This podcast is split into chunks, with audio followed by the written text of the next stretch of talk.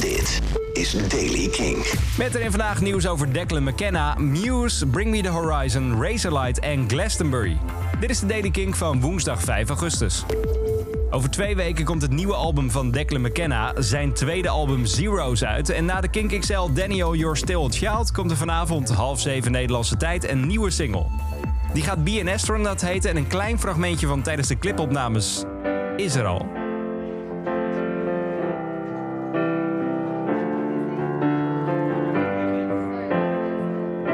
Als je dit zo hoort, gaat het waarschijnlijk een pianoballet worden. Nog meer nieuwe muziek, want Muse is de studio ingedoken voor een nieuw album. Dat laten ze weten via Instagram. Het album komt waarschijnlijk in 2021 uit.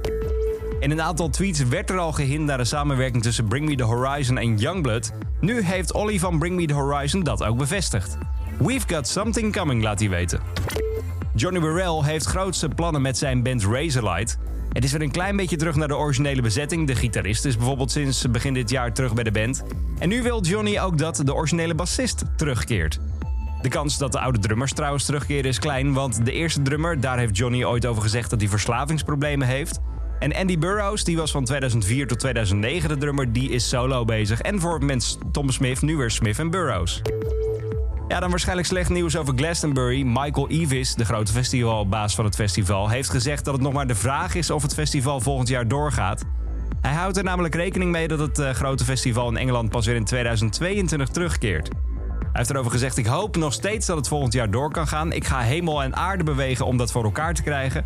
Maar dat betekent ook niet dat het echt gaat gebeuren, misschien. Het is misschien ijdele hoop. Meer nieuws over de Kink-artiesten check je dagelijks in een nieuwe Daily King podcast.